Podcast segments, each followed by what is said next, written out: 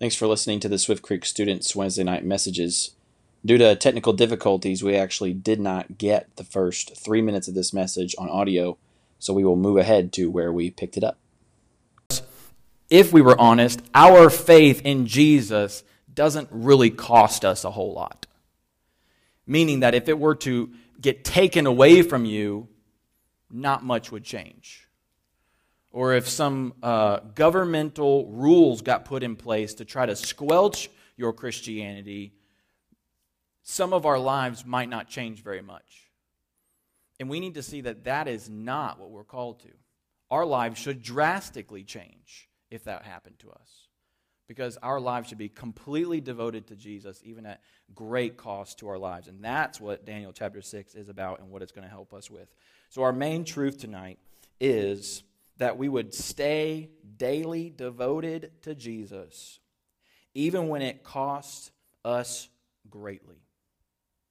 Because God will use your persecution to declare his salvation. Probably should have wrote that on the board. Stay daily faithful to Jesus, even if it costs you greatly, because God will use your persecution to display his salvation. That's where we're headed tonight. That's a summary of Daniel chapter 6. So let's read verses 1 to 5, and we will look at point 1. Daniel chapter 6, verse 1. It says this It pleased Darius to set over the kingdom 120 satraps, that's like officials, to be throughout the whole kingdom, and over them three high officials, of whom Daniel was one, to whom these satraps should give account, so that the king might suffer no loss. Then this Daniel became distinguished above all the other high officials and satraps, because an excellent spirit was in him. And the king planned to set him over the whole kingdom. Then the high officials and the satraps sought to find a ground for complaint against Daniel with regard to the kingdom, but they could find no ground for complaint or any fault because he was faithful. And no error or fault was found in him. Then these men said, We shall not find any ground for complaint unless it is in connection with the law of his God. So, what do we see here? Number one, our devotion to Jesus must be above reproach and obvious. So, our devotion to Jesus must be above reproach and obvious. So, quick summary coming out of last chapter, Belshazzar died and Babylon got conquered by an army called the Medes and the Persians. Darius is the new king of that particular nation. So now Babylon is gone. Now we have a, a Medo Persian army. Okay, it's like a little history class right now. Medo Persian uh, empire is what we have here. And so Darius, the new king, he structures his government with three people under him. And then under those three, they lead a group of 120 okay, of leaders in the kingdom. This is his staff. Daniel is one of the three. And we saw in verse 3 that Daniel is actually Darius's favorite. Okay, he's very highly honored, highly distinguished, highly favored in the eyes of his king. And he loves Daniel so much that he actually was planning and um, taking him through like an internship to make him the ruler of the whole kingdom. It says right there in verse 3 that the king had planned to set him over the whole kingdom. So he's actually grooming him and training him to be the ruler of the kingdom, this exile from Judah from 60 years ago. So Daniel is not young Daniel. Daniel is 70, 80 years old right now. Okay, and he's gone through kings and he's gone through empires and he's still standing in this empire that's pagan, and this king loves Daniel. Why does Daniel keep being beloved by these foreign pagan kings? It's because he is a man of wisdom, he's a man of humility, he's a man of great respect and honor, and he demonstrates a witness, what it looks like to be a witness for the Lord. And people can see something different in Daniel. Okay? So, what we see, though, is that the people, the other rulers, get jealous of Daniel, that he's the favorite one and he's going to get trained to be the ruler. And so then in verse 4, it says, The high officials and the satraps, all 120 of these guys, sought to find a ground of complaint against Daniel with regard to the kingdom, but they could not find ground for complaint or any fault because he was faithful and no error was found or fault was found in him. Okay, this is mind blowing. So the other men, they want to get rid of Daniel because they're jealous of him. Right? And they see his character, they're looking at him, and there's no kinks in his armor, there's no holes in his character, and they're looking, they're thinking, we got to get rid of Daniel. We got to get rid of him. How do we get rid of him? Okay, well, let's find something to bring against him. Okay, let's look at his character. Okay, yeah, he's like the kindest guy here. Okay, he's really humble. Yeah, he's really good at his job, very dependable. Uh, does he hate you? No, he doesn't hate me. He loves me. Yeah, he brings me Christmas presents. Like, okay, we got nothing on Daniel. We got nothing. They're searching and searching and searching. How's his job performance? No, he's really dependable. Yeah, Darius loves him. He, he answers every call, answers every email. He does everything right serves him hand and foot. And they're like, okay, so there's nothing on his job, there's nothing on his character. We got nothing. What do we do? We can't bring anything against his character because he does everything so honorably. They have nothing to bring against him. He lives above reproach. What does the phrase above reproach mean? Well, the word reproach means shame. So, above reproach means that no one can bring anything against your witness that can bring shame onto you meaning that there's no accusation that someone in the world could throw on you that would stick, right? So there's nothing they can bring up to you, just like there was nothing they could bring to Daniel. And this is mind blowing because every one of us, if we were honest, has something that someone could bring up to us, right? Even every every great athlete that you love has a bad game right? That just that that happens. Or every actor or actress that you love once in a while comes out with a bad movie and you're like yeah that was they probably shouldn't have made that one. That happens. But to daniel it didn't happen. Daniel was of course not sinless but in the eyes of them in a pagan land they found nothing to bring against him he lived literally above reproach above criticism above complaint they found nothing this is mind-blowing he was so good that it was killing them. Do you guys know anybody that they just live so perfectly, you're just like, oh, you make me go insane. Like do something wrong. That's that's Daniel to them. Daniel would have for sure uh, been the person that they called holier than thou, or goody two shoes, or hey, here comes preacher boy again. You know, that he would have been that kind of person. Oh, you think you're so spiritual? Here comes Daniel.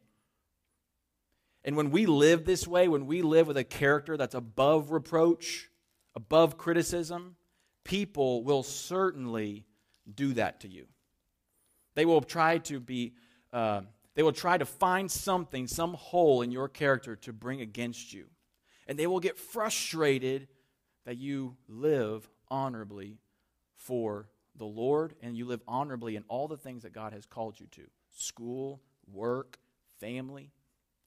And when we live like that, it frustrates the world because they can't stand your obedience because it convicts them about their disobedience. And that's not your fault. And if you are living honorably for Jesus, keep it up and be encouraged. Stand firm for Jesus. Keep going. Keep going. Do not, do not give up.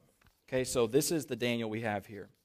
Live honorably. Philippians 127 says, Only let your manner of life be worthy of the gospel of Christ, not frightened by anything in your opponents. Only let your manner of life be worthy of the gospel of Christ. Is there something in your life that someone could bring against you? Something in your character? Think about what you post. Think about how you treat your parents. Think about the attitude that you have when you think about school. Think about how you treat teammates, classmates, how you respect or disrespect teachers. Do you keep your camera on? Do you pay attention? Whatever it is. Is there something that someone could bring against you? because we're called to live above reproach. We don't want anyone to have anything to bring against our character because it hinders our effectiveness to be useful for Jesus. Let's be useful to Jesus. Next, did you see that his faith was obvious? So, this is the next part of point number one here.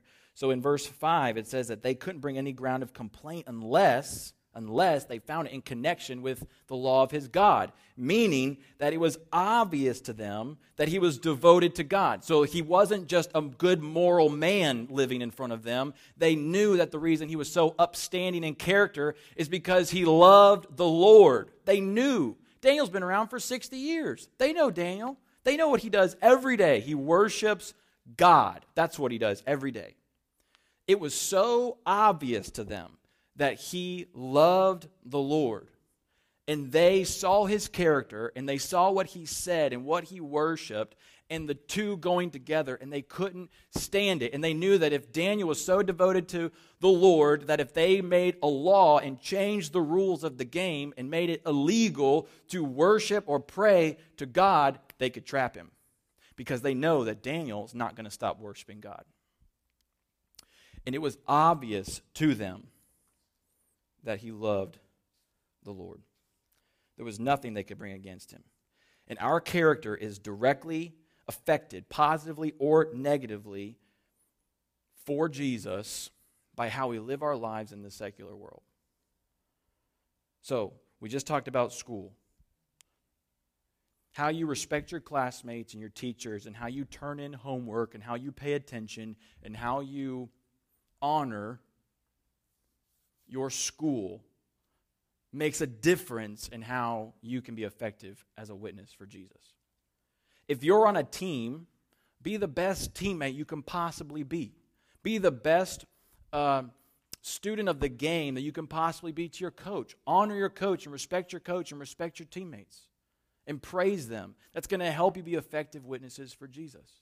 It should be obvious that you love the Lord and that you live for the Lord in every area of your life.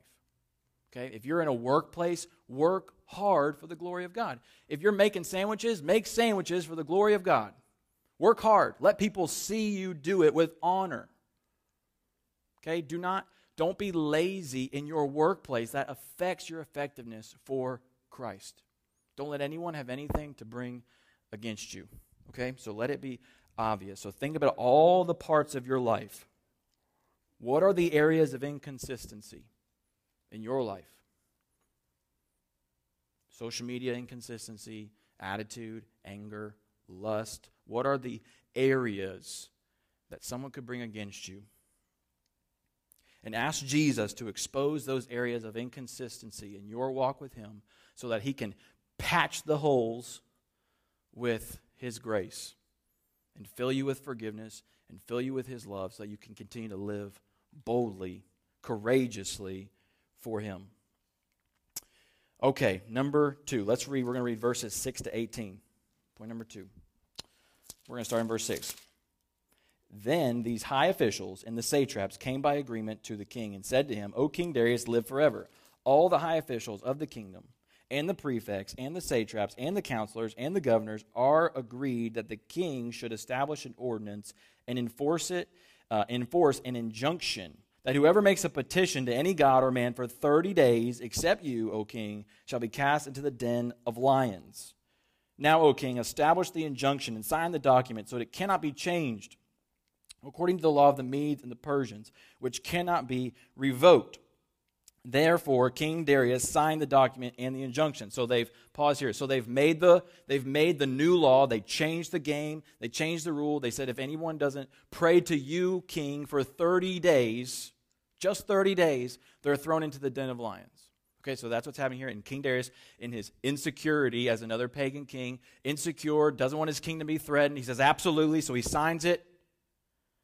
But did everyone really agree on this? It says they all agreed. Did they all agree?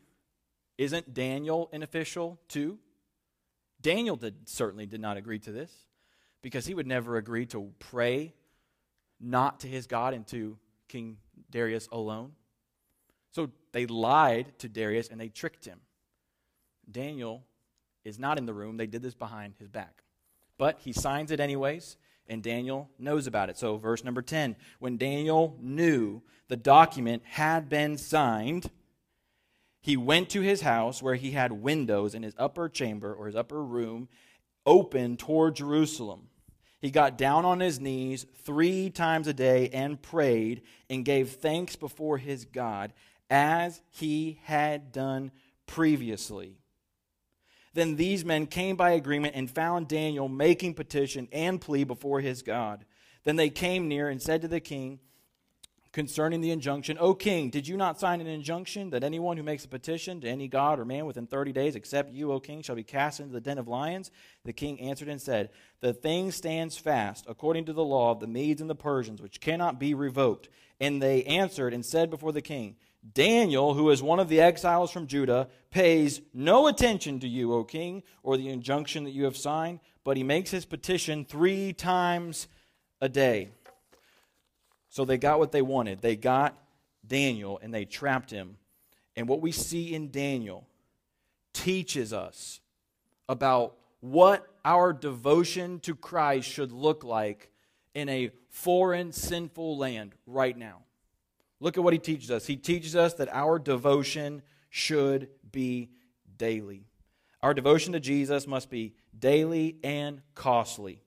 We see that it should be daily first. In verse 10 and 11, after he knows that it is signed, what does he do? He does not stop praying and meeting with God. He didn't say, oh, well, it's only 30 days. I can take 30 days off. I'll just pray next month. Guys, what would happen if, if you were told not to pray by the government for 30 days? Would your life change? Would it have an effect on you? We need to be so in love with Jesus every day, alone with Him, that the thought of not being able to pray for 30 days would make us tremble, and then it would drive us to pray even more. Because of now it costs us something. And he says it, he does this in uh, verse 11. It says, He got down on his knees three times a day and prayed and gave thanks to his God, what? As he had done previously. Meaning that he did exactly what he had always done in the days before. So remember, Daniel is 80, right? 70 ish, 80. And he has lasted in Babylon or Persia now all these years. How, how, how has he not been squashed? How has his faith not been squashed out by now? In a land that worships hundreds of gods, and Daniel is almost alone in his faithfulness to God. How has he not been squashed out? He shows us how. What Daniel does this is the secret sauce of getting to 80 years old and still being a Christian, still following Jesus at 80. He's alone with God every day, as he had done previously. He doesn't stop meeting with God, even though he knows now it could cost him his life. He knows they're going to find him. He knows. He, they know exactly where he prays every day. He does it three times a day with the window open. They know exactly where Daniel is going to be, and he goes right back to where he's going to be, where he has been all his time in Babylon for 60 years. The only way he's made it this far, and he hasn't turned his back and sold himself to Babylon and sold himself to pagan idolatry. And it's the same way that you will not sell yourself to the American cultural idols, but you will make it to 80 following Jesus if you will meet with God every day in His Word and in prayer. If you will follow Jesus daily, Luke 9 23. Deny yourself, take up your cross, and follow me daily. If you will just meet alone with God every day, Jesus will sustain you and Jesus will give you the help you need to make it. Do you want to know the secret sauce of making it through middle school and still being a Christian following Jesus in ninth grade? It's this you meet with God every day in His Word and in prayer. If you want to make it through your high school and still be devoted to Jesus when you leave in 12th grade, this is the secret daily devotion to Jesus, no matter what it costs you. When college students fall away from Christ in college,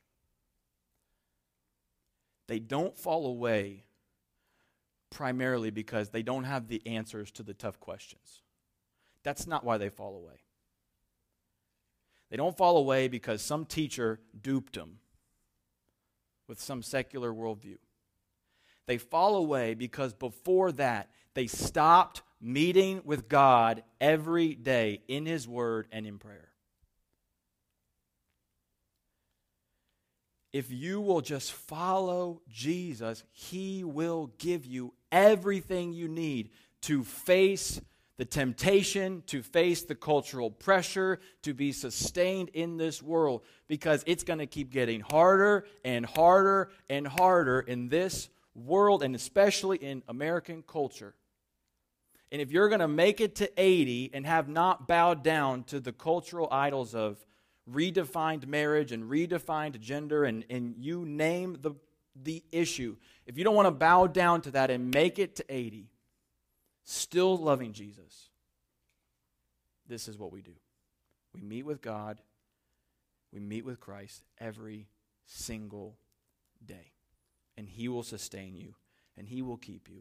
And I just want you to know that my biggest prayer for you is that you would simply just take your Bible every day and sit alone with it and ask God to show you what it means and to help you apply it to your life and to help you live for Jesus because of it. Because if you will do that, you'll change your city. You'll change your schools. You'll change your teachers. You'll change you'll have the kind of impact on your classmates that you were made to have. You won't become like Jesus in a vacuum. You don't become like Jesus just overnight. Wake up in the morning and bam, you're holy. No, you do it because you meet with Christ every day. Because John 15, 5 says, Abide in me, because apart from me, you can do nothing. So let's meet with God. So it must be daily and it must be costly because when you follow Jesus, it will cost you something. You saw that Daniel gets arrested. I want us to continue right here, 14. Then the king, in verse 14, the king, when he heard these words, was much distressed, and he set his mind to deliver Daniel.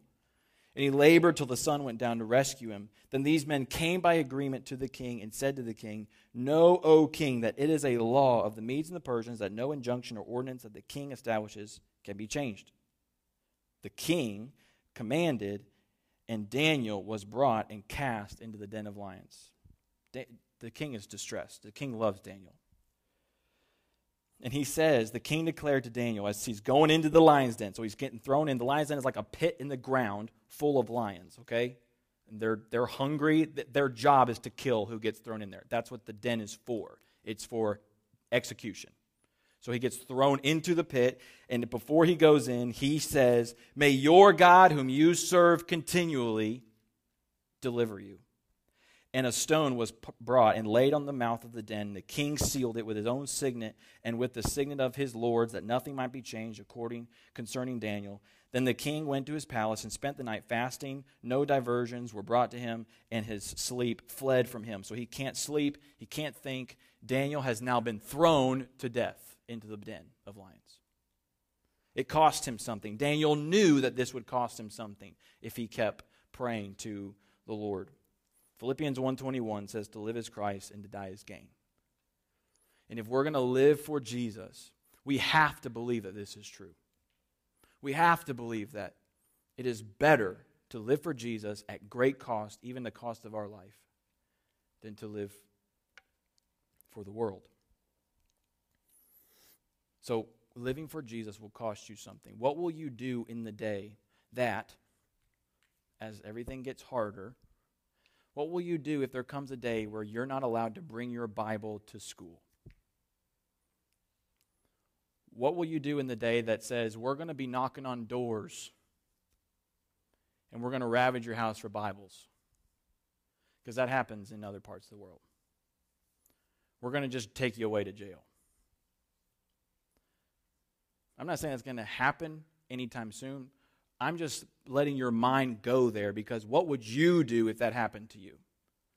Would you still wake up in the morning and open your Bible and read it? Would you still pray to the Lord? Would you still share Jesus with your friends? Even at the cost of your life. Because we have brothers and sisters all over the world that they get stripped from their homes because they follow Jesus. What will you do if it costs you everything? So walk with Jesus every day. Do not give up meeting with him every day in his word and in prayer. He will sustain you to the end. Okay, so now what happens to Daniel? What happens to him in the lion's den? Let's see. Verse 19. Verse 19 says, Then at the break of day, the king arose and went in haste to the den of lions. And as he came near to the den where Daniel was, he cried out in a tone of anguish. The king declared to Daniel, O Daniel, servant of the living God, has your God, whom you serve continually, been able to deliver you from the lions? And he waits. And he waits. I don't think Daniel led him on. I don't think he waited. I'm not sure. But Daniel shouts out, O king, live forever. Imagine the relief of Darius. My God sent his angel and shut the lions' mouths, and they have not harmed me because I was found blameless before him, and also before you, O king, I have done no harm. Then the king was exceedingly glad and commanded that Daniel be taken up out of the den. So Daniel was taken up out of the den, and no kind of harm was found on him. Pause. Do you remember Shadrach, Meshach, and Abednego? Got thrown in the fire. What happens? No harm done to them. This is the parallel passage of chapter 3. They are in the fire. He goes in the den. They're supposed to die. Daniel's supposed to die. God brings a perfect deliverance. No harm done. It's the exact same thing happening here at the, at the accusation of other men in both cases. So he comes out, there's no harm done. All Daniel did all night long, maybe he did do like the picture. Maybe he did sit there and the lions smiled and he scratched their bellies all night long. Who knows? It was a miracle from God. It was a total, total deliverance. In verse 23, the king was exceedingly glad and commanded that Daniel be taken up out of the den. There was no kind of harm found on him because he had trusted in his God. And the king commanded that those men who had maliciously accused Daniel were brought and cast into the den of lions. And listen to this they, their children, and their wives, and before they reached the bottom of the den, the lions overpowered them and broke all their bones. So the lions do what they were made to do to God's enemies. Then King Darius wrote to all the peoples, nations, and languages that dwell on all the earth Peace be multiplied to you. I make a decree that in all my royal dominion people are to tremble and fear before the God of Daniel. For he is the living God, enduring forever. His kingdom shall never be destroyed, his dominion shall be to the end. He delivers and rescues. He works signs and wonders in heaven and on earth. He who has saved Daniel from the power of the lions. So this Daniel proposed, uh, this Daniel, sorry, prospered during the reign of Darius and the reign of Cyrus the Persian. So, what has happened here? He trusts in his God, he's fully delivered.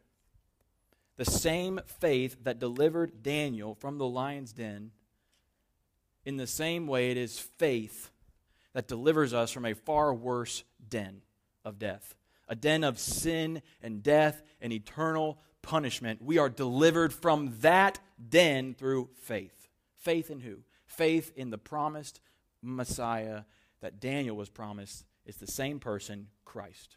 Faith in Christ is what saves. Not good works, not church attendance, not owning a Bible, faith.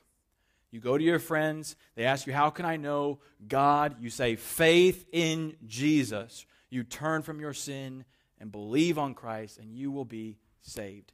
Anyone here can be saved if you will put your faith in Christ alone. And then notice what happens too. I guess I should say point number three. Eh? I haven't said that yet. Our devotion to Jesus, point number three, turns our persecution into proclamation. So look what happens here. Persecution becomes proclamation because Daniel goes into the lion's den, which is an instrument of his persecution and his death, and the place that was a place of death becomes a place of life. The place that becomes that was an instrument of suffering becomes the proclamation of salvation. Because Darius pulls him out and he begins to say how God has saved, and no one saves in this way except the God of Daniel. And so don't miss this. The gospel persecution that you experience, God uses to proclaim the salvation that comes in Christ alone. The gospel spreads through persecution. The den, the lion's den, the place of persecution, the place of death, where salvation is then proclaimed, reminds us of another place where death was supposed to happen and salvation was proclaimed the cross. The cross is the place where Jesus died at the hand of his enemies. And it is the place that God proclaims salvation to us. See how this theme traces across the Bible? Persecution always ends up proclaiming the gospel. If you read the book of Acts, the gospel spreads because God's people are persecuted.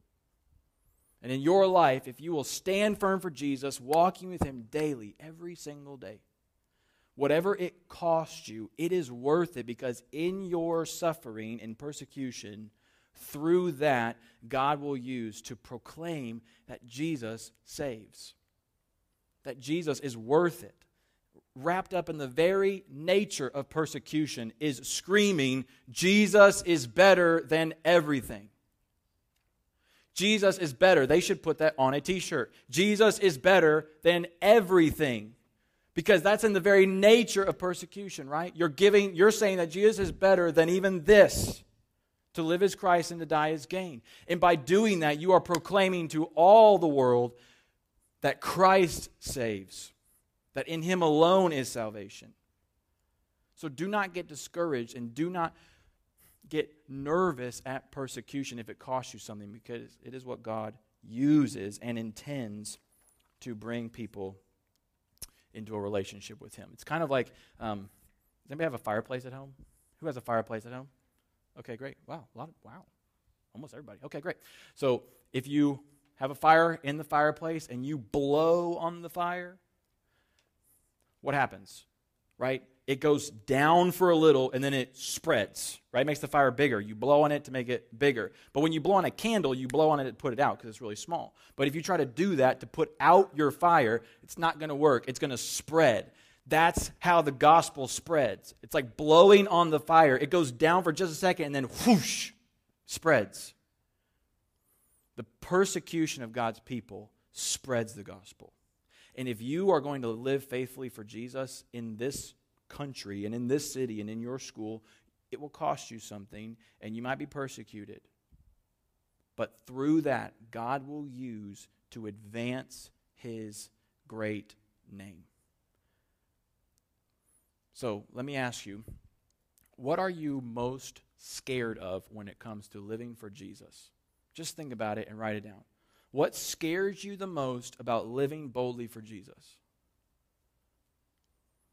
What consequence are you most nervous about as you walk through your life and as you walk through middle school, high school, and into college? What are you most nervous about? What cost are you most scared of? And I want to encourage you to, in our prayer time, to give that to Jesus. Ask Him to help you be brave and courageous and not be nervous and help you be courageous even though you're nervous, and that you would meet with Him every day. Confess where you're inconsistent in your life, and ask Jesus for grace that you would see Him as a good Savior. He is a gracious Savior, Christ alone. You would ask Him to bind up your wounds and make you useful, make you live for His glory, no matter what it costs you. Let's pray together. God, thank you for your love for us. And I thank you that the gospel is good. And I'm so grateful, God, for this group. So many people in this room love you. And I pray that you would use us to be strong, courageous, that we would meet with God every day, that we would meet with Christ every day. We would keep sharing the gospel, proclaiming the good news, even if it costs us something, God. We know that it's hard to be a Christian in this country, and it will only keep getting harder. Please keep us walking faithfully with Christ alone. God, we give you this time, and I pray that you would use it in our life. In Jesus' name we pray. Amen.